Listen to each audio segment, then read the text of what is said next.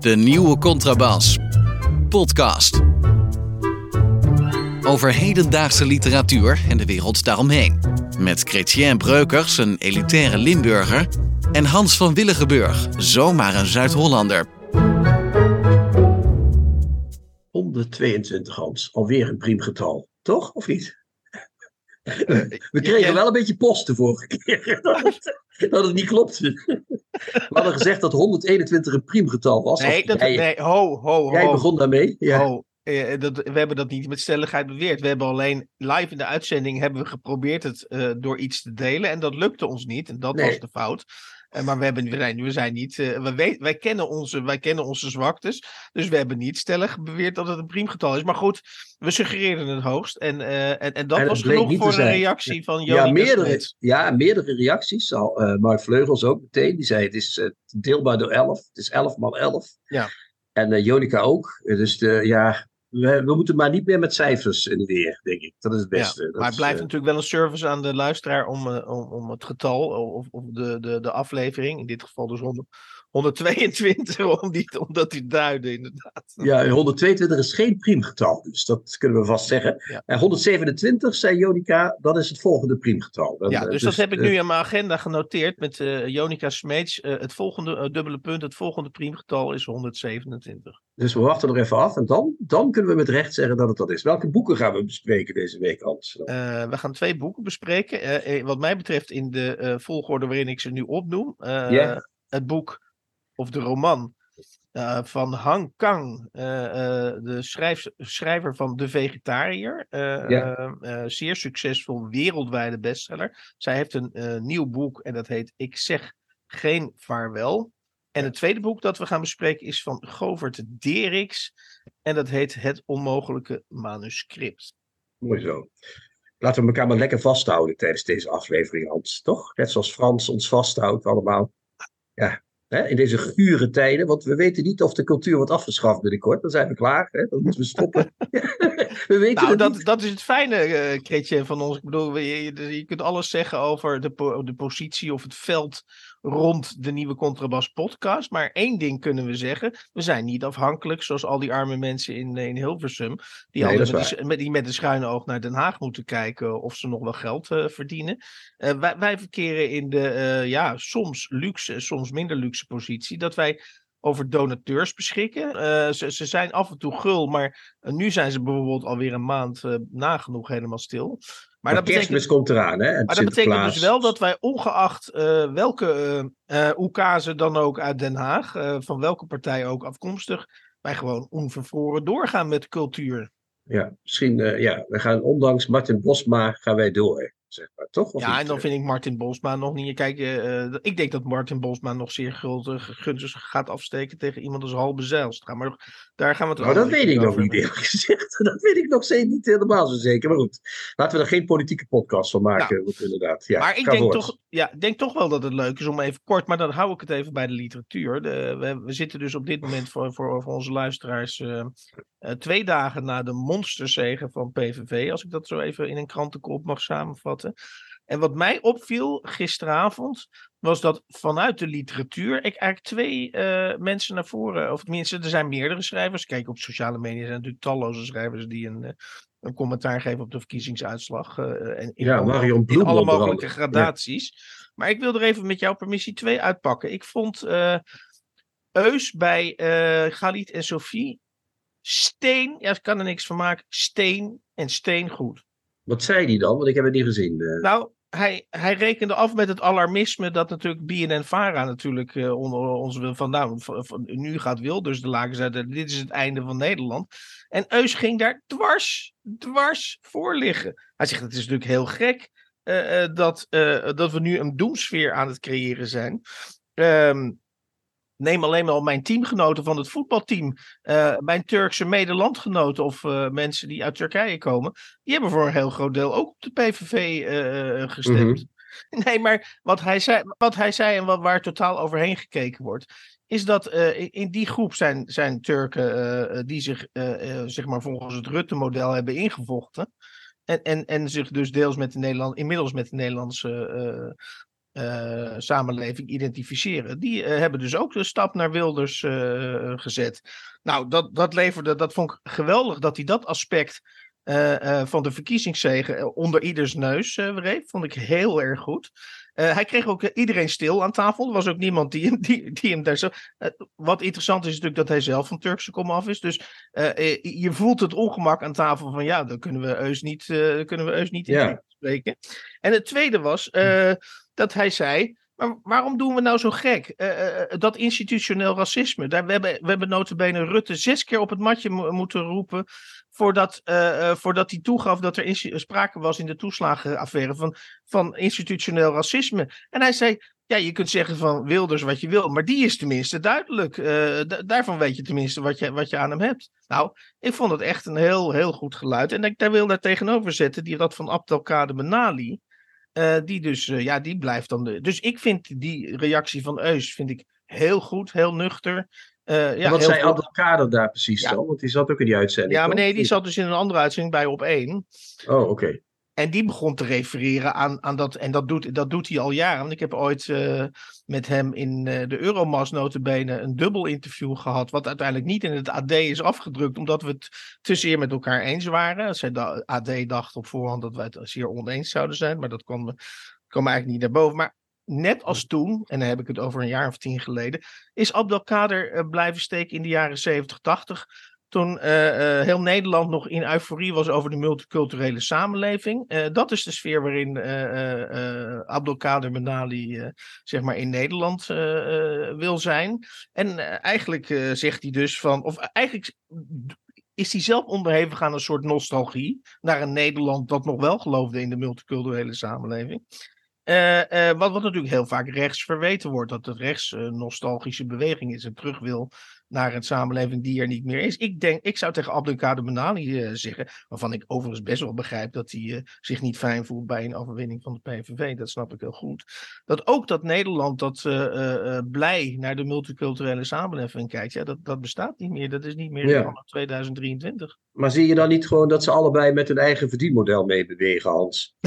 Eus die glibbert overal altijd doorheen en, en nou, nee, nee, Abdelkader nee, probeert zich probeert te leachen op de multiculturele nee, sentimenten vind, waar hij zijn opdrachtjes vandaan haalt. Ik vind dat je Eus gro groot onrecht aan uh, okay. doet door, door dit glibberen te noemen. Ik denk dat hij een heel uh, uh, ferm standpunt inneemt en dat hij eigenlijk een nieuw soort zelfvertrouwen, ook dus van allochtone Nederlanders, als ik dat zo mag zeggen, tentoonspreidt. en eigenlijk, ik moet heel eerlijk zeggen, dat hij eigenlijk die hele tafel bij Galit en Sofie de Baas was. Oké.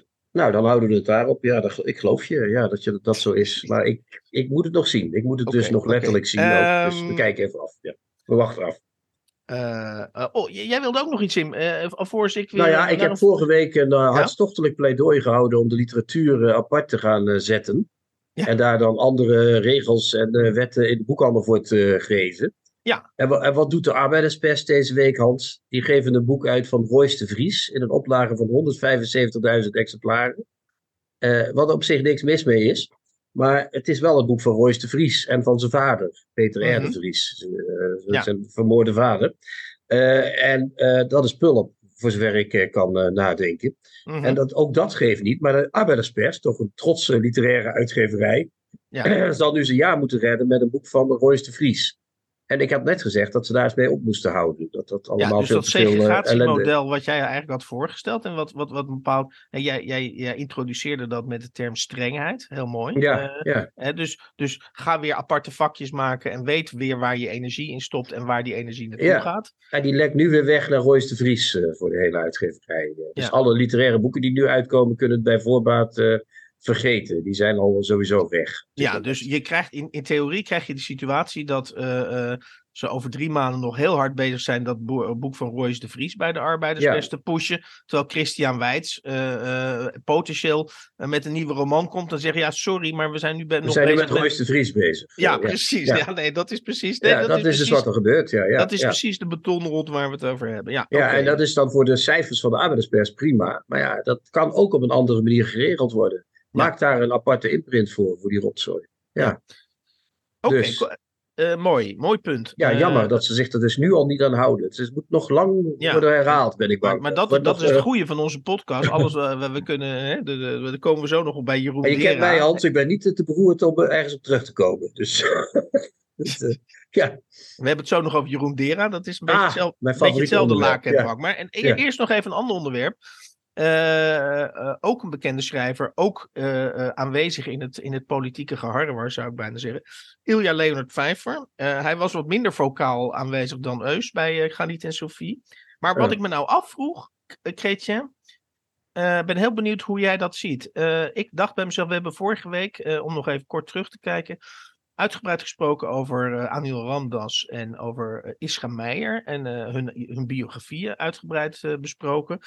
En ik vroeg me af, eh, ik, ik ga mezelf even vallen duidelijk absoluut niet positioneren, eh, los van het feit dat ik daar helemaal geen tijd voor heb en geen zin in heb om ooit de biograaf van eh Ilja Leonard Vijver te worden. Bovendien de kans dat ik eerder overlijd dan Ilja, hoewel als ik hem zo af en toe zie rondhossen. nou, ik denk dat jullie toch samen wel richting de eindstreep strompelen, hoor. Als ik het zo zie. Maar goed. maar ik, ik tel mezelf daar ook bij, hoor. Ik zie mezelf ook niet ouder worden. Dus dat, ja. Ja. Ja. Maar wat ik me nou zo afvroeg is dat.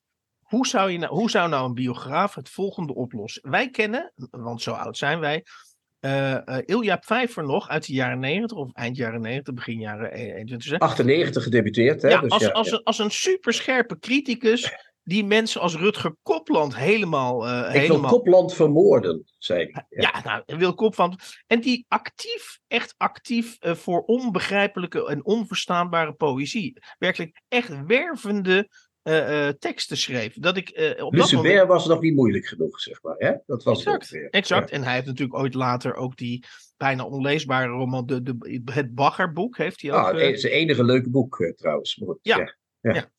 Dus ehm, hoe zou je nou als biograaf het volgende. hij leeft natuurlijk nog, dus die biografie die, die, die laat Die waarschijnlijk komt er pas over zijn 20 Maar jaar. hij is dus ergens. ergens is hij dus opgeschoven van een hele felle verdediger van onbegrijpelijke, onverstaanbare klank, vaak ook klankgerichte poëzie, naar, naar een rijmelaar, eh, eh, eind, eh, naar een rijmelaar die op bestelling van de NRC elke week de, de nog- actualiteit op rijm zet. Ja, en dan ook nog op een verschrikkelijke manier ook nog. ja, En daar heeft, hij zelf wel een, daar heeft hij zelf een antwoord op gegeven in een van zijn boeken, Hans. Die Genuaanse brieven, hoe heet dat boek ook alweer? Of heet ja, dat brieven, Genuaanse, eh, ja. Genuaanse brieven? Die dat privédomein deelt. Daar heeft hij het op een gegeven moment over dat hij geen geld overhoudt. Dat hij eh, hartstikke beroemd is, maar nooit, nooit geld overhoudt. Mhm. Nou, nou, op een gegeven moment heeft Ilja zijn knopen geteld. eh, en heeft hij zichzelf omgevormd tot een volksschrijver. Dus hij heeft gedacht, die onbegrijpelijke boeken, dat is allemaal mooi en aardig. Maar daar, houdt het, hè, daar, komt, daar gaat de Italiaanse kachel niet hard genoeg van branden. En toen, toen heeft hij zichzelf omgekat tot een eh, kenner. Hè, want hij doet nu ook net alsof hij van politiek alles weet. Hè. Ja. Dat is, eh, hij gist eh, vanuit Italië, Nederland over de politiek. Hij schrijft boeken die goed moeten vallen bij een groot publiek. Hij werpt zich op als de hoeder van de democratie. Mhm. Hij heeft er een pak aangetrokken, Ja, nee, weliswaar maar een, bij ja. aangetrokken, weliswaar een belachelijk pak. Maar goed, hij heeft Ja, wat, een pak wat hij doet, dat weten we. En ook dat jij dat. Ja, maar dat is omdat dat is de, dat is de, de. Dat is het antwoord op deze Maar de vraag. vraag is, eh, oké, jij zegt dus, het, eh, jouw antwoord is eigenlijk dus, dat is een platte eh, financieel-economische Ja, overweging. Hij uiteraard, is dus gewoon op financiële gronden is hij van literair... En dieper liggend, daar zit bij dat hij geen inhoud heeft. Hij heeft geen inhoud. Bij hem is het, omdat hij heel eh, retorisch vaardig is, kan hij dus heel goed experimenteel schrijven of eh, ah, eh, eh, moeilijk schrijven, want dat kan hij Mhm. heel makkelijk. Hij kan Mhm. alles. Zeg, schrijf een roman daar en daarover, dat doet hij. Eh, of schrijf een roman in die en die trant, doet hij ook. Maar hij kan dus ook met hetzelfde gemak gewone boeken voor de grote massa schrijven, denkt hij. Of Ja. is zo. Dus, dus het is een retorisch eh, eh, begaafd iemand met geen inhoud. De inhoud wordt er naar behoeven, naar, naar hoe noem je dat, zoals bij de recept? Voeg eh, naar eh, behoefte zus en zo toe. Ja. Dat is wat bij hem gebeurt. Beetje Ik heb- politiek, ja. beetje dit, beetje dat. En dan uh, is uh, weer een nieuwe Ilja Vijver geboren. Mijn verklaring is een andere. En dan gaan we zo naar ons laatste onderwerp. Mijn verklaring is, uh, en die, die is in zekere zin misschien aanvullend op die van jou. Is absoluut niet met, jou, met wat jij zegt in tegenspraak. Maar wat ik denk dat een heel grote rol speelt. ik, ik, ik, kom, ik heb zelf jarenlang in Leiden rondgelopen als student. Ilja Vijver heeft tot aan het einde, of nee, zelfs tot 2008 heeft hij het, het Leidse kroegsleven intensief ja, bestudeerd. Ja, hij heeft sowieso gestudeerd, maar hij heeft natuurlijk ook... Nee, bus, het kroegleven bestudeerd. Oh, het kroeg, sorry, het kroegleven bestudeerd. En volgens mij heeft het te maken met zijn alcoholgebruik. Ik denk dat hij vroeger, uh, zeg maar, de romantiek van het alcoholgebruik, het, de romantiek van het in verwarring zijn of het, het gedesoriënteerd zijn, hè, zoals de roes, je in, zeg in, een, in, een, gedicht gedesoriënteerd uh, kunt zijn, dat hij, uh, en hij heeft natuurlijk op een gegeven moment radicaal onder invloed van zijn Italiaanse geliefde, want die heeft dat van hem geëist. En daar heeft hij ook een heel dik boek over geschreven, over het, het, afraken van de, van de alcohol. En, toen, en, en ik denk dat dat, nou, dat sluit misschien juist ook aan bij wat jij zegt, maar dat, hè, dat is een parallele ontwikkeling. Is dat hij sinds hij niet meer drinkt, ja, uh, gaat hij recht toe, recht aan boeken in feite uh, schrijven. Ja, dat zou ik zeggen. Ga maar weer eens drinken, jongen. Want uh, dat, dit, dat, zou dit, ook, dat zou ook mijn dit is een heilloos pad in ieder geval. ja, ja. um, dan tot slot, Jeroen Dera. Ah, mijn favoriete onderwerp. Jij, jij zegt tegen mij, ik wil het altijd een beetje journalistiek en een klein beetje deft. Nou, ik wil het niet per se deftig houden, maar ik wil het wel ik, wil altijd, ik ben altijd uh, uh, zeg maar, uh, geporteerd van een zekere journalistieke afstand. En jij zegt dan tegen mij, Hans, als je een podcast over literatuur maakt, dan wordt het vroeg of laat, of per definitie, persoonlijk. En, literatuur is oorlog, Hans. Dat is zo.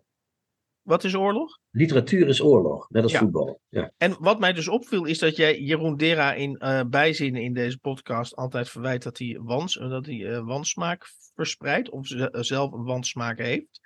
En nu las ik dus. En een en slecht mens is ook, dat heb ik ook en een slecht mens is. En nu las ik deze week, en dan lijkt het dus wel alsof er een tegenkracht is die precies doet wat Chrétien Breukers niet wil. Namelijk Jeroen Dera, Ja, dat wint, een, eh, Jeroen Dera wint een koninklijke eh, eh, een KNAW Early Career Award. Mid-career, of niet? Early career? Oké. Early ja. Career Award. Ja, ja, ja, ja, ja. Maar goed, Jeroen Derahans is, eh, is het vlees geworden, nou ja, het lelijke vlees geworden netwerk. dat weet je ook. Die man die zit tegenwoordig in alle juries ongeveer. Hè? Je kunt bijna geen jury meer. Nu de, Hans, de Jan Kampert prijzen, die net bekend zijn gemaakt. Wie zit er in de jury? Jeroen Dera. Eh, wie zit er in de jury van de Librisprijs? Hè? Piquet. Of in de Boekenbonprijs, weet ik veel. Mhm. Overal komt dat gezeerd. Het is net zo'n. Vroeger had je zo'n zo'n spelletje dat zo'n poppetje komt opduiken overal. Weet Ja. je wel? Eh, Nou, dat is Jeroen Dera. Dus als je een groot netwerk hebt, krijg je ook van die prijzen, van die, van die nepprijzen, careerprijzen. Mid early career. De vraag die Oké. ik er dan bij heb is, is als je, eh, maar misschien, daar kijk jij misschien anders naar, als je, als je echt onbenullige bijdragen hebt of, of eh, onzinnige voorstellen doet, hoewel je in Nederland kunt afvragen of er niet, of er niet juist markt is voor onzinnige voorstellen op literatuur en, en onzinnige projecten op literatuur. Ja, natuurlijk. Is dat, ja. Eh, denk ik, he- we hebben hem ook in de show gehad. Ik zou even moeten opzoeken in welke, in welke afleveringen men, eh, we hem toen Ja. eh, we hebben Ik probeer dat heel erg te verdringen. Ik heb daar nog steeds spijt van. Ja. Ja. Eh, en toen vond ik, eh, eh, ik zie Jeroen Dera, jij, jij presenteert hem als een soort, ja, wat, ja, hoe, Hij doet altijd alsof hij geen dwang, af, geen dwang uitoefent. Maar ondertussen oefent hij dwang uit. Hij is altijd bezig met zijn manier van denken erdoor duwen bij iedereen. Laten we over maatschappelijke onderwerpen spreken met kinderen, met Ja. literatuurkinderen.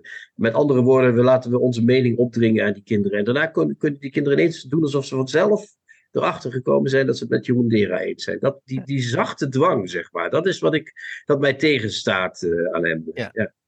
ja, en mij, die, die, viel, die- dat zijn van die linkse macho's, weet je wel? Van die, van Ja. die, van die, die mannen Nou, die doen alsof ze geen macho zijn, maar ondertussen zo. nou, en mij viel in ieder geval op in dat interview dat wij dus in de nieuwe contrabas met, eh, met hem hadden, en dan gaan we nu afronden, is dat hij, en dat is denk ik ook de kracht van een goede netwerker, en in die zin ben ik bang dat Jeroen Dera dus nog heel veel naam eh, gaat maken. Je krijgt nog een mid-career en een end-career prijs. eh, Ja, precies. Eh, Omdat hij overal, hij heeft overal een antwoord en een redenering, antwoord op en een redenering bij. Inderdaad, ik ben het met je eens. dat hij onge- maar ik, ik, ik zou deels zie ik dat ook wel als een kwaliteit. Maar dat het, een, dat het eindresultaat van wat hij voorstelt, namelijk inderdaad een literatuur die aan de maatschappelijke leiband moet lopen, het resultaat ervan is, is, zeg ik met jou, verschrikkelijk. ja, en het wordt een soort. eh, Het is stalen in Hans, dat is het. het is, je hoeft het niet met me eens te zijn, maar dan verdwijn je in nacht en nevel. Want daar zorg ik wel voor met mijn jurylidmaatschappen. Enfin, klaar. Tips van de week. Boeken, artikelen of pamfletten die boven het maaiveld uitsteken. We gaan twee boeken bespreken zoals u van ons gewend bent. En het eerste boek is van Han Kang. Dat heb ik zojuist uh, al aangekondigd. En uh, dat is een boek dat de titel heeft Ik zeg geen vaarwel. En Nee. nou had ik als idee, wij, wij proberen dat meestal vooraf even samen te vatten. Ja, ik heb Eh, ook iets opgeschreven deze keer als zin. Ja, mooi. Nou, z- nou gaan we. Ja. gaan Nou ja, als zin, het is een lange zin, maar ik heb, ik heb zelden eh, met zoveel verveling een meesterwerk gelezen.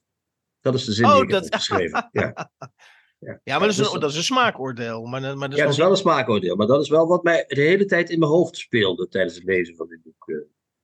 Het is een meest, ik, ik, maar daar gaan we zo meteen dan op, op verder. Wat heb jij? eh, eh, Nou, ik denk dat, dat wat we natuurlijk altijd doen, is we kort, dat we kort, maar dat kan van mij betreft heel kort, een soort kleine inzicht in het, in het, eh, ehm, in het boek geven? in het hè? geven hoe, hoe het boek verloopt.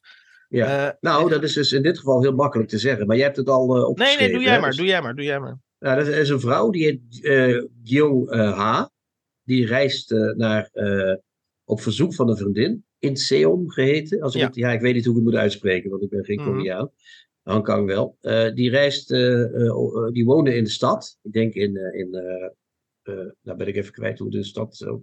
Seoul, denk ik. Of Seoul, niet? ja, ja, Seoul, klopt. ja, die, en die reist naar, op verzoek van die vriendin naar het Jeju-eiland. Om daar op een vogel van haar te passen. Want die vrouw Ja. is ziek. Die ligt ziek in Seoul. En die heeft een eh, huisje in, eh, in dat, op dat eiland.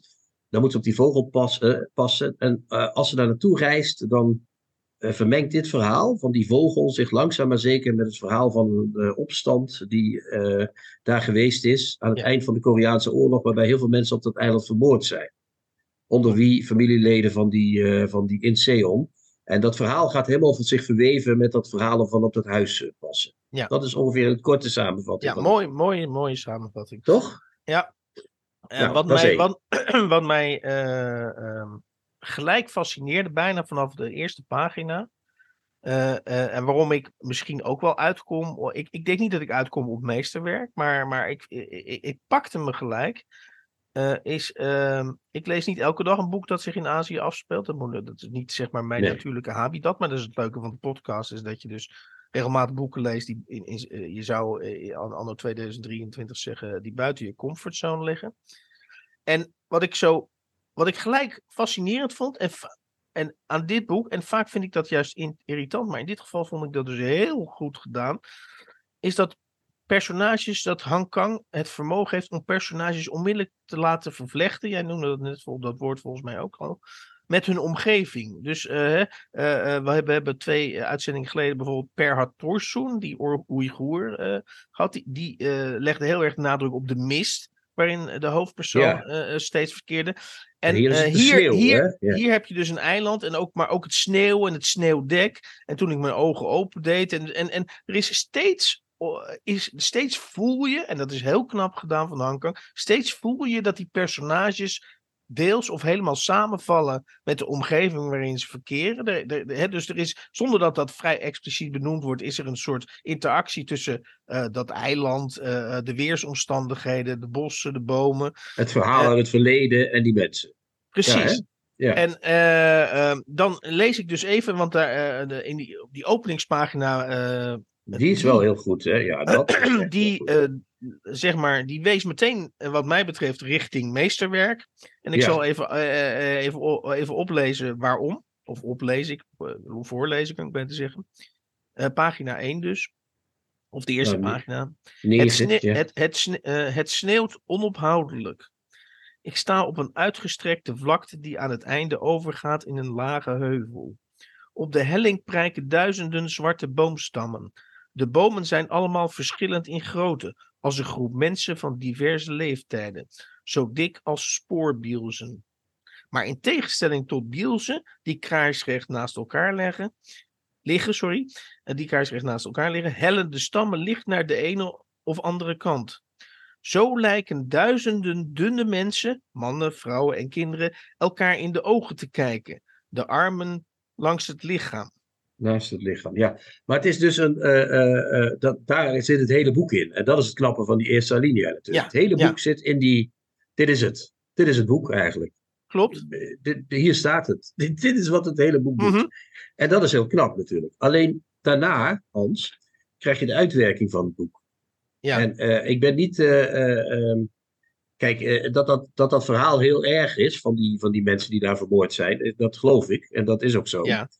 Eh, maar ik merk wel dat ik na 200 bladzijden begin te denken van, eh, nou, hoe lang eh, gaat dit nog duren? Dat klinkt een beetje oneerbiedig. Ja. Maar het is, Han Kang kan heel goed schrijven. Want ik heb bijvoorbeeld zelf De Vegetariër gelezen. Mhm. Ik weet niet of jij dat gelezen hebt ooit. Dat is een Nee, veel nee, dunnere nee, dit was- roman. Dit was mijn eerste kennismaking met Hangkang. Nou, dat is een veel dunnere roman, veel geconcentreerder. Ik heb Wit gelezen, dat gaat over de dood van haar zus. Daar rouwt ze over haar zus. Dat is ook een veel dunner boek. Mhm. Ik heb het idee dat ze hier letterlijk eh, te lang doorgegaan is met, met Ja. wat ze doet. Want wat ze doet is overal, alle 300 bladzijden lang, erg goed. Alle bijna 300 bladzijden lang erg goed. Maar, maar het had ook allemaal minder gekund, gek genoeg.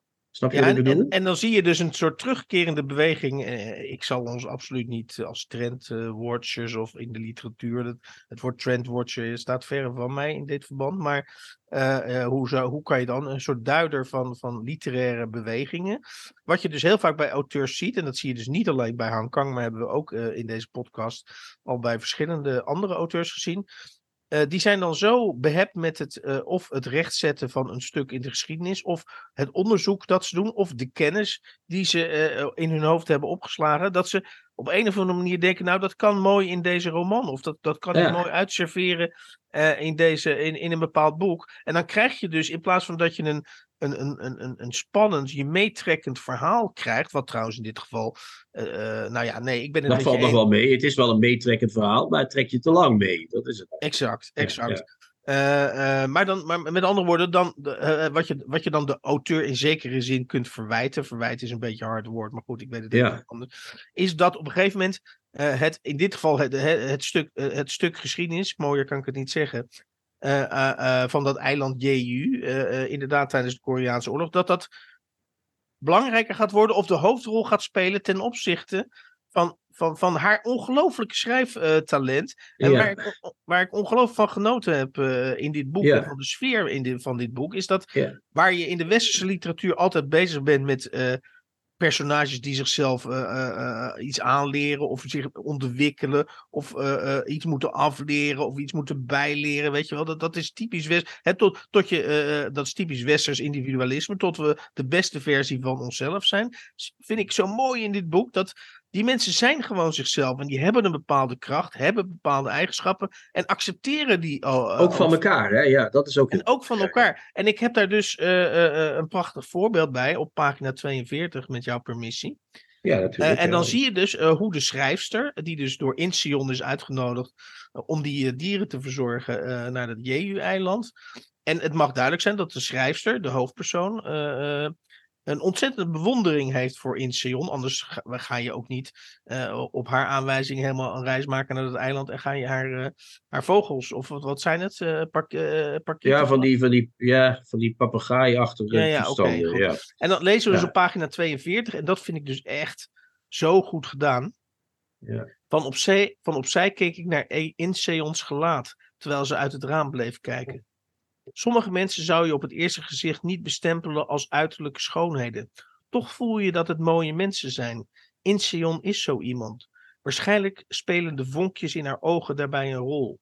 Maar mijns inziens heeft ze het te danken aan haar persoonlijkheid. Met name aan haar levenshouding, haar zorgvuldige woordkeus en het feit dat ze zelf, zelf altijd op waarde schat. Zelfs op momenten van zwakte, lusteloosheid of paniek. Er zijn momenten geweest waarop ik de chaos van mijn bestaan, mijn eeuwige twijfel aan alles en iedereen, kon beteugelen door alleen even met in te praten. De berusting die ze uitstraalt met haar stem en motoriek wekt de indruk dat al haar handelingen bewust en doelmatig zijn en daarmee zin geven aan het leven. Zelfs als alles waarvoor ze haar best doet mislukt. Zelfs nu, terwijl ze in een veel te groot ziekenhuisschort met een bebloede hand in bed lag, met in haar onderarm de naald van een infuus dat aan een metalen rekje naast haar bed hing, als een appel aan een boom. Zelfs nu zag ze er niet levensmoe of verslagen uit. Ja, nou, dat is ook, dus het is allemaal even prachtig. Je kunt eigenlijk het boek overal openslaan en er staan mooie stukken in.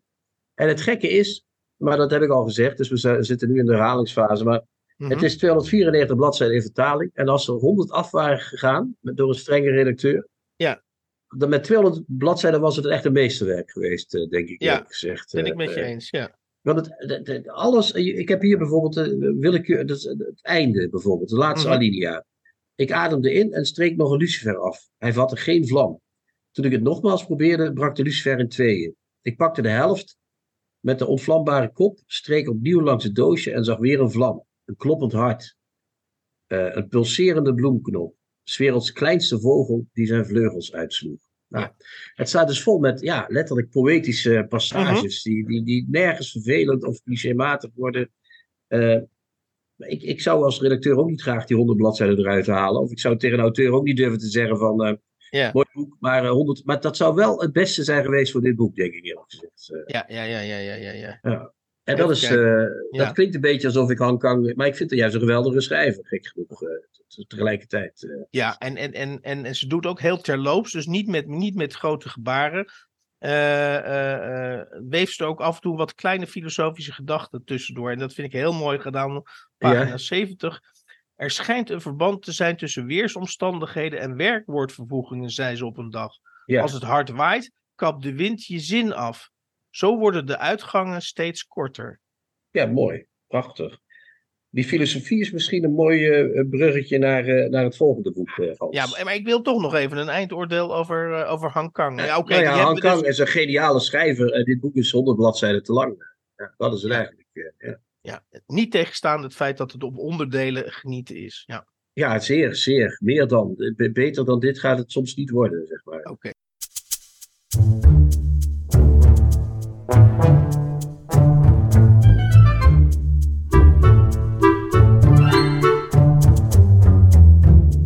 Gaan we over naar het tweede boek. En dat is mooi, toch? Want over Dereks Hans eh, is, een, eh, is een filosoof. Is een filosoof, tekstschrijver eh, en dagvoorzitter. Lees ik op zijn website. Maar goed, ik ken hem, moet ik van tevoren even zeggen. Ik ben ooit in dienst geweest van zijn tekstbureau.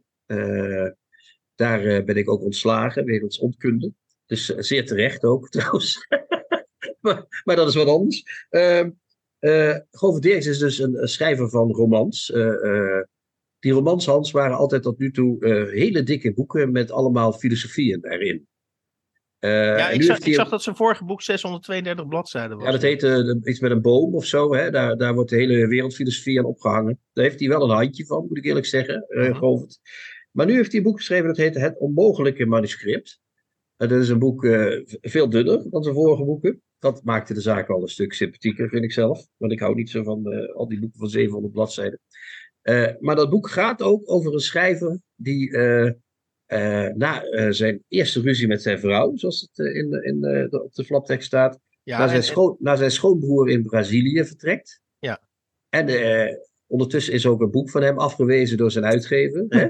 Mhm. En dan gaat hij naar die schoonbroer in Brazilië. En daar gaat hij in dat boek vertellen over zijn verblijf in Brazilië. Maar ook over wat dat boek nou precies behelsde. Dat boek wat, hij, Ja. Eh, wat afgewezen is. Ja, Dus ik het is vind wel, belang, ik wel, wel belangrijk is- om te... Ja, sorry. Ja, dat boek is dus een boek over een mislukt boek, of althans afgewezen boek.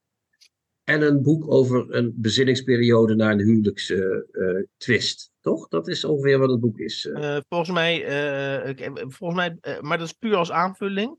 Want jij, jij zei net in een zin, en dat klopt, dat, dat, eh, dat hij voor het eerst, eh, of dat dit boek speelt nadat hij een soort eerste echtelijke ruzie eh, heeft dat, beleefd. zegt, dat, dat wordt zo beschreven. Maar heel belangrijk wat je onvermeld laat, is dat hij, en dat vond ik eigenlijk wel heel ironisch, dat hij gewacht maakt van het feit dat hij al 20 of 30 jaar uit mijn hoofd met die vrouw is. Dus dat, dat, dat, dat, dat, het is dus niet zo dat ze op, op, in de eerste week of, of dat het een verse liefde is. Nee, in tegendeel, dat is een, een hele bestendige, lange relatie. eh, waarvan die eigenlijk bijna to- tot zijn eigen oplu opluchting, dat kan ik er eigenlijk niet uithalen of het tot zijn eigen opluchting is, dat hij eindelijk eens ruzie krijgt met zijn vrouw. Eh, eh, en, ja. en, en dan vervolgens dus. en dat, dat is ook een beetje en-en wat mij betreft. Dus hij is en gaat hij naar Brazilië om eventjes af te koelen na die eh, echtelijke ruzie.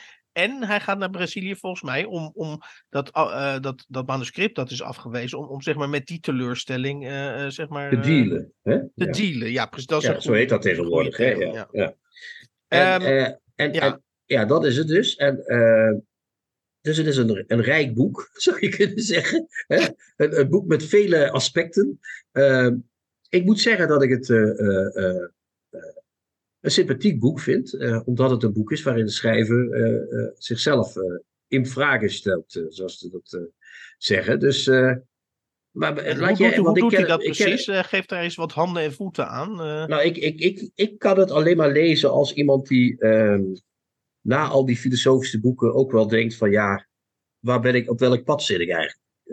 Ja, hij portretteert zichzelf wel als een soort westerling die eigenlijk opgesloten zit in zijn hoofd. In zijn eigen ideeën, hè? dat is het een beetje. Ja, en het feit dat hij natuurlijk naar een tropische omgeving gaat in dat, op dat landgoed uh, van zijn schoonbroer. Waar dat trouwens ook wel heel nadrukkelijk vegetarisch gegeten wordt de hele tijd. Ja, en, uh, precies. Dat, dat, dat, is allemaal heel gezond en die man is ook dokter en die man die die dokter die is de vragenstel-dokter, hè? die vraagt dingen aan mensen. Ja. Dus het is wel een beetje, we komen wel een beetje in een soort kleffe halve hippie toestand uh, terecht. Nou, ik, ik, ik heb nooit de boeken van Paulo, Paulo Coelho gelezen, maar oh, niet, toen ik halverwege was, dacht ik wel, dit, dit, klinkt, dit is wel een soort boek waarvan de fans van Coelho uh, tegen mij uh, is, heeft een overeenkomstige sfeer als de sfeer die fans van Coelho aan mij beschrijven, inderdaad. Oh, oké. Ja, want dat moet ik ook echt uit de derde hand dan. Uh, weet ik echt niks van. maar het is wel iemand die uh, enerzijds opgesloten zit in de westerse ideeën, zou je kunnen zeggen. Mm-hmm. en, van, en van zichzelf uh, dan in dat, in dat mooie Zuid-Amerika tot, tot een soort bezinning uh, komt. Dat, ja, probeert te komen. Ja, ja. ja, maar dan maak ik het wel iets ironischer dan het is. Want ik vind het toch wel beter dan ik, dat, dat, dat, dat het nu lijkt. ik vind dat hij wel op een hele mooie manier beschrijft wat een mislukking kan zijn. Dat is waar het boek volgens mij over gaat. Het gaat over het vastlopen in ideeën, het mislukken van een boek, het, het, het, het, het, zand eh, in de relatie. Hè? Dus alle dingen die voor hem belangrijk zijn, die, die beginnen een beetje te pruttelen en te borrelen. Mm-hmm. En daar doet hij verslag van. En ik vind hem daar heel sympathiek in. En ik vind het ook goed geschreven, eerlijk gezegd. Ja, dat vind ik, ook. Ja. Ja, dus, oh, dus, ik dacht dat je nu iets Nee, ik, zit, ik, ik, zag dat jij ademhaalde, dus ik dacht, nu komt Hans uh, met... Ah, ja, met, ja, met ja, Nou, ik kan wel iets voorlezen trouwens, uh, ja. Zeker. Ik, ik, zal het, ik heb heel veel notities gemaakt. Dat doe ik bijna nooit. Dus uh, uh, even kijken. Welke bladzijde zullen we eens mee beginnen? 72 heb ik iets gevonden. Uh, ja, dan heeft hij. Ja, ja, ja. Dat gaat dan die schoonbroer van hem. die zegt dan dingen tegen hem. Mm -hmm. De mens als planter in een levend universum. Je danste, Roberto. Dans met taal en je mag het wildste manuscript schrijven dat je maar wilt, als je maar danst. Als je in elk woord, elke toon en elk thema maar laat doorklinken dat het de woorden, tonen en zorgen zijn van een dansend kind, dan ondanks alle dreigende barstende bommen van klimaat en oorlog en afgunst het leven danst. Waarom? Omdat het niet anders kan. Omdat het ooit op een dag of middag of in een nacht waarop het zich zorgen maakt over de zorgen van zijn ouders begon te fantaseren. Niet eilend of overdreven als een vlucht, maar om de dromen van hoe het straks beter en anders en mooier kan tastbaar te maken. Enzovoort, enzovoort. Ja, ja, ja, ja. Dus hier is het ook al dat spel, hè, die taal, die toch behoorlijk, hij drukt het gaspedaal van de taal hier aardig in. Hè? Uh, en dan ondertussen weet je er toch nog het klimaat in te fietsen. Zeg maar. dus hij blijft er toch maar zorgen maken over dat, uh, over dat klimaat en over die ja. toestanden. Dus Ja. dat zit er de hele tijd in, die beweging tussen die twee dingen. Ja. Dat, vind ik, uh, dat vind ik hij, ziet zichzelf, hij ziet het zichzelf doen, zeg maar. Hij kan niet dansen zonder de problemen te zien. Dat is het boek uh, helemaal. Het is een onmogelijk manuscript ook, hè? Dat is het. Uh, ja, zo heet het boek ook natuurlijk. Ja, ja, ja, ja. ja. Dus het ik is, het ik is... zal je eerlijk zeggen, kijk, eh, de verleiding is altijd groot om in een soort superlatieve, uh, in wat voor Ja, richting ja, ja. dan ook, uh, omdat ik dan denk van anders dan val je terug in een soort soort beschrijving die weer inwisselbaar is met misschien beschrijvingen uit aflevering 108 of uh, 95. Ja, maakt niet uit in dit 56. geval. We, we bespreken heb- Dirks voor het eerst, dus ja, wat maakt Ja, uit. ja. Ik heb nog nooit zo, eh, volgens mij, twee eigenschappen van een boek dicht op elkaar zien zitten, waarvan ik de ene zo heel veelbelovend vind, want hij kan absoluut heel vlot vertellen. Ja, Eh, en de andere kant vind ik eh, super, super, super irritant en is een doodlopende weg. Dus, en, en, en, en volgens mij, eh, eh, en, eh, die schizofrenie zit ook eigenlijk in zijn hele Uh, Ja. Want het is natuurlijk uiteindelijk een zelfportret. eh, Dat, dat ben ik bijna eh, zeker Ja, van. dat kan niet anders. Nee, Eh, dus, dus hij heeft ook eh, die honger. Hij heeft dus aan de ene kant die enorme honger naar zintuigelijkheid, naar leven. Daarom plant hij zichzelf in Brazilië. En is een deel van de aantrekkelijkheid van dit boek dat hij de natuurbeschrijvingen, de omgevingen waarin die. waarin ook, ook die, niet eh, lelijk begeeft- trouwens, doet hij ook heel mooi, moet ik eerlijk zeggen. en, Ja. en je zou, maar dat is heel kwaadaardig van mij, maar ik kan het niet laten, want je moet misschien toch ook af en toe kwaadaardig zijn. Het is natuurlijk eigenlijk een, een, een in Brazilië eh eh geanceneerde heidag. Hè? Dus, ja, ja, ja, ja. dus, dus eh, Van- van- net, van net de- zoals de gewone mensen naar een heidag gaan om tot een bepaald inzicht te komen. eh, en en, en een, soort slotstatement hebben van nou, dit, dit is de weg die we gaan. eh, is in feite dit boek, gaat de hoofdpersoon naar Brazilië. Bleef daar een soort een, een overweken Op, uit, op, het familieterrein. een overweken ja. uitgesponnen heidag om tot een bepaald inzicht te komen. En, Ja, het- ja. en, en, en dat beschrijft hij dus heel erg mooi en sappig. Dus hij, hij, hij, hij leidt mij op een soepele manier door dat boek. Maar het feit dat je natuurlijk, en, en daar gaat dit boek in mijn, eh, mijn ogen dus mank aan, en dat vind ik dus super irritant, is dat het helemaal zwelgt. En daar zit ook volgens mij de overeenkomst met Coelho. Er wordt zo nadrukkelijk naar betekenis gezocht. Ik denk steeds Ja. van, joh, laat die struik de struik, of laat dat stadje het stadje, of laat dat plein het plein. Maar nee, nee, Grover Dirks, die, Nee, daar komt meteen de filosofie bij, Hans. Oh, Nee, daar komt gelijk precies een hele. Een hele eh, eh, en ja, wat ik ook mooi vind, is dus die worsteling die je. eh, want hij is natuurlijk wel een soort prototype westerling van onze leeftijd, voor zover ik kan. Ja, eh, iets, ja, zoiets. Ja, van ja. onze en, en dat is dus aan de ene kant dat hij dus vindt dat hij veel te rationeel is. Dus hij probeert los te komen van de ratio. Er is op een gegeven moment ook sprake van een, een wijze of een, een lichtgever, een, licht, een, een, lichtbron, toch?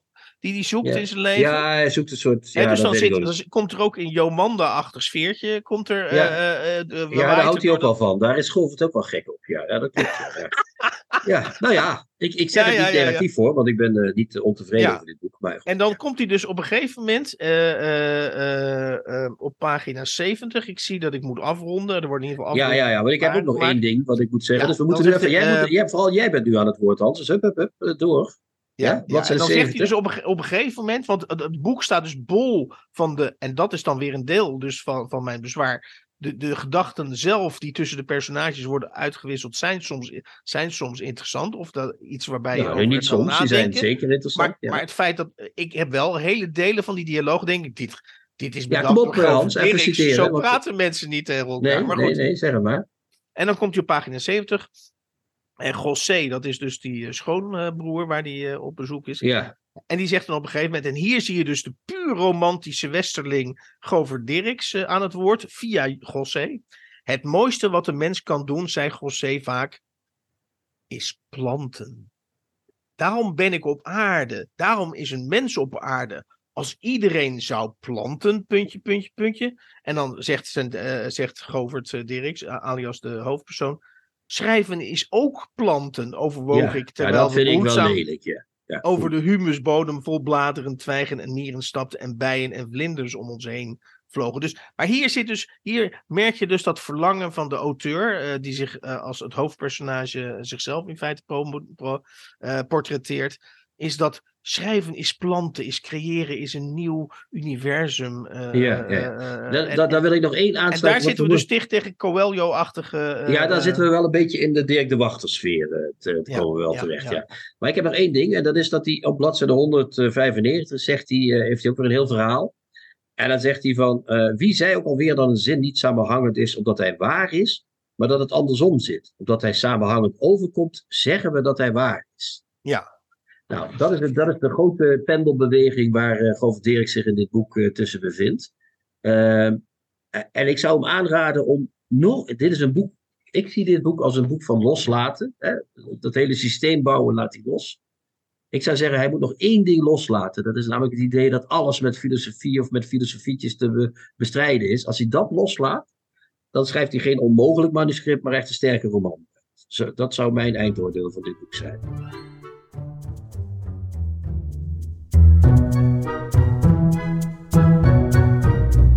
De nieuwe Contrabas. Podcast. We, we, we zijn even stil geweest op het front van het speltje, Chrétien. Dat, eh, Ja, de zodanig- zelfbevlekking heeft eh, even stilgestaan. Ja, Ja. en zodanig stil dat ik nu eh, eh, sta te trappelen. Om jou het woord te geven. En dat doe ik met een hele speciaal doel. we hebben namelijk net het boek van Govert Dirks, Het Onmogelijke Manuscript, uh, gerecenseerd, pogen te recenseren. En jij hebt al verklapt dat je in een, in, in, in een verleden, CQ-ver verleden, werknemer was. bij, ja, korte bij, tijd. Bij ja. Govert Dirks. en een van de uh, grappigste, moet ik eerlijk zeggen, uh, er zijn meerdere grappige passages, maar dit vind ik een erg grappige passage. In uh, jouw roman En in de Nacht een Riem zit een passage waarin jij Govert Dirks ehm, karakteriseert. Of in ieder geval een korte, kort, kort, hoe zeg je dat, passage aan hem wijdt. Ja, ik, ik, ik, ik heb dat, ja, hij is natuurlijk een personage geworden, wil ik al eventjes, voordat ik het voorlees, zeggen, hè, voordat we daar weer problemen mee krijgen. Ik heb hem omgevoerd, omgevormd. Ik heb, ik heb mijn werkzaamheden voor dat bureau beschreven in, en in de nachtenriem. En ik heb hem daar de naam Casimir Droef gegeven. Ja, geniaal. Dat is een goede naam trouwens, voor iemand die in de tekstenbusiness werkzaam is. Ik zou maar, eigenlijk een roman willen leven, lezen met, met de titel Casimir Droef. Inderdaad. Ja, ja, ja. Casimir Droef vertelt verder. Maar ik wil dat stukje wel even voorlezen, met dus nadrukkelijk erbij dat het niet Govert zelf is die we hier hebben.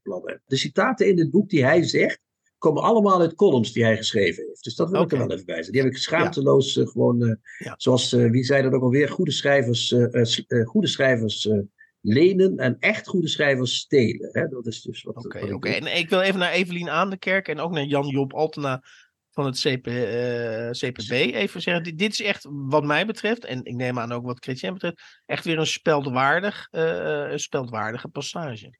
Speldwaardige passage, zeker. Ik vind hier zelfs het woord PC-hoofdprijs niet helemaal uh, te laag. Hè? Dat, kan, dat is niet ongepast. Dat kan best. ik zou tegen Jeroen Dera zeggen: van stap over je schaduw. En, hè, want dat moet iedereen tegenwoordig. Iedereen is maar over zijn schaduw heen aan het stappen. Ook Jeroen Dera kan bij de toekennen van de PC-hoofdprijs over zijn schaduw stappen. Daar gaan we dan. Bladzijde 45 in de tweede druk, uitgekomen bij Vleugels in 2024. Op een dag ging de telefoon. Met Casimir Droef, zei een man met een Limburgs accent. Ik zag je sollicitatiebrief. We moeten praten.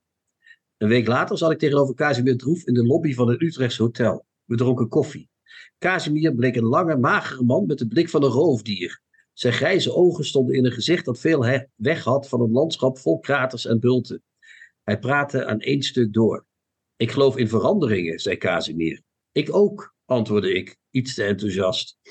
De historicus Erik Hobsbawm schreef al aan het slot van zijn Age of Extremes dat een toekomst van de mensheid onmogelijk is door de lijnen van het verleden door te trekken naar de toekomst en dat een poging om dit toch te doen zou leiden tot duisternis. Precies, zei ik. Wie was Erik Hobsbawm? Casimir pakte door. We hebben met z'n allen een monster geschapen dat ons boven het hoofd is gegroeid. Marxisten beseffen al langer dat kapitaal het kwade is, dat relaties corrompeert en niet de zuurstof is van de samenleving, zoals oude denkers ons voorhielden. Het monster bezwijkt nu aan verstikking en overdosis tegelijk. Er was nog nooit zoveel kapitaal, maar ook nog nooit zoveel schuld, ongelijkheid en ecologische destructie. Het hart van het probleem is dat we onvoldoende hebben nagedacht over het mensbeeld dat aan gronden moet liggen aan de inrichting van de wereld. Vertel, ik had het opgegeven. Het tekstbureau dat ik heb opgericht, of beter, het bureau voor teksten en denkrichtingen dat ik heb opgericht, is constant op zoek naar het nieuwe mensbeeld, naar een manier om het oude niet weg te varen, maar te vervangen door een denkwijze die recht doet aan elk individu, individu en de maatschappij nergens nooit schaadt. Vrijdenkers hebben we nodig, mensen die over de heg kunnen kijken en verder dan de tuin van de directe buren groot is. Nu snap ik het, ja. Nou ja, laten we daar maar ophouden, maar dit is, uh, dit is mijn uh, inleiding tot uh, Casimir Droef. Uh. Ja. Dus ja, ik, ik snapte het toen al niet. en zoals ik ook zijn grotere romans niet snapte. Maar ik ben blij dat we nu uitgekomen zijn bij een roman die ik wel begrijp. Ja, maar ik heb het idee Want dat ik ben ook milder geworden, Hans. Ik ben Ja. ook milder. Veel milder. En ik stap over schaduwen heen. Ja, dus Ja, het is maar ik denk ook dat fantastisch. Casimir eh, Droef, alias Gover Dirks, eh, dat hij ook een beetje onze kant op heeft bewogen in zijn leven. Ik denk het wel, ja. ja. Ik denk dat we uiteindelijk allemaal samen in één rusthuis terechtkomen. Rusthuis, eh, het, het Geert Wilders rusthuis voor gepensioneerde schrijvers. samen met Carolien, of eh, Evelien, sorry, aan de kerk. eh, ja, ja, ja. En onze speltjes, ja. Daar zitten we dan, Hans. Terwijl jij half dood gaat van het hoesten. Ja, dat zien de mensen thuis niet, maar eh, Hans zit te hoesten nu. Nou, dat, dat, dat, ik ben, eh, dit was het eh, in principe, de, de 122e aflevering van de nieuwe Contrabas podcast. Ja, en volgende week zitten we in het Torpedo Theater. En Ja. dan, Daar komen veel mensen, dus dat is mooi. Dus dat wordt uh, torpedotheater.nl. Uh, volgens mij zit het bijna vol, maar er zijn nog één of twee kaartjes, dus kijk maar even. Als je wil komen, heel graag. Ja, we verheugen ons op Amy Koopman, op Rob van Essen en op David Pefko. Ja, en wat betreft David Pefko, ik vind dat wel, die is uit mijn hoofd na een jaar of zes, zeven mee met een nieuwe roman gekomen. Ja, ja, ja. En ik, ik vond dat eerlijk gezegd binnen, binnen die kleine wereld van de Nederlandse literatuur, want dat is natuurlijk een hele kleine wereld, vond ik dat wel een soort headline. Maar ik heb niet. Ik, heb, ik, ik, ik verwachtte min of meer ook dat er gelijke recensies over, over zouden komen, maar ik, hoor er nog niet zoveel over. Of, nee, alleen in België is het interview en uh, een recensie. hij heeft daar ooit zo'n prijs gewonnen, hè? zo'n bronzen uil, of hoe heette dat toen nog. En daar is hij dus bekender nu dan in Nederland blijkbaar is de Nederlandse pers nog niet. Uh, ik denk dat Thomas de Veen hem niet goed genoeg kent om er een uh, fijne recensie aan te wijden. Oké, nou, dus, dus hij, hij is meer dan welkom uh, bij, bij de ja, contrabas. Wij zijn de eerste, ja. Ja, ja, ja, ja. We kunnen misschien meteen even de, de outro eraan vastknopen, Hans. Ja, we zijn nu toch lekker bezig. Ja. Doe jij, ik, ik begin even met Han Kang. We hebben dus het boek besproken, de nieuwe roman van Han Kang, of de nieuwste roman van Han Kang. Ik zeg geen vaarwel. Uitgekomen bij uh, en van Ditbar. En vertaald door Matto Mandersloot. Uitgegeven bij Nijgen en van Ditmar in 2023. Ja, en het tweede boek wat we bespraken was van Govert Deriks. Uh, dat heet Het Onmogelijke Manuscript. Dat is verschenen ook in 2023 bij uitgeverij Magonia. Toch? Ja. Of niet? Ja, ja. ja Magonia. Ja. En dat daarmee, which concludes uh, the battle for today. Toch? Ja. Daar zijn we er nog, eh, nog vijf afleveringen eh, tot het volgende priemgetal. Ja, daar verheug ik mij enorm op, eerlijk gezegd. Eh, want dan kunnen we met recht zeggen: 127 is een priemgetal zonder boze post te krijgen. Dus dat ja. scheelt ook weer een hoop. Ja. En tot die tijd, mensen, uh, tot in het Torpedo-theater. Tot dan. Ciao, ciao, ciao. Tjoe, tjoe.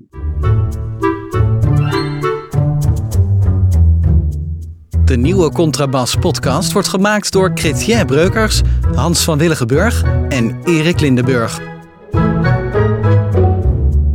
Kijk jij ook elke week uit naar de nieuwe Contrabas podcast? Voeg dan de daad bij het woord en word officieel supporter. Dat kan al vanaf 1 euro per week, oftewel 52 euro per jaar. Draag je ons een heel warm hart toe, dan kun je ook Golden Supporter worden voor 104 euro en Platinum Supporter voor 208 euro per jaar. En wat krijg je daarvoor terug? Dan luister je met nog meer plezier naar ons uitgesproken geluid wekelijks over literatuur. En wat je ook geeft, ga naar gofundme.denieuwecontrabas.blog. Nog één keer? gofundme.denieuwecontrabas.blog. Hup, hup, hup. Hup.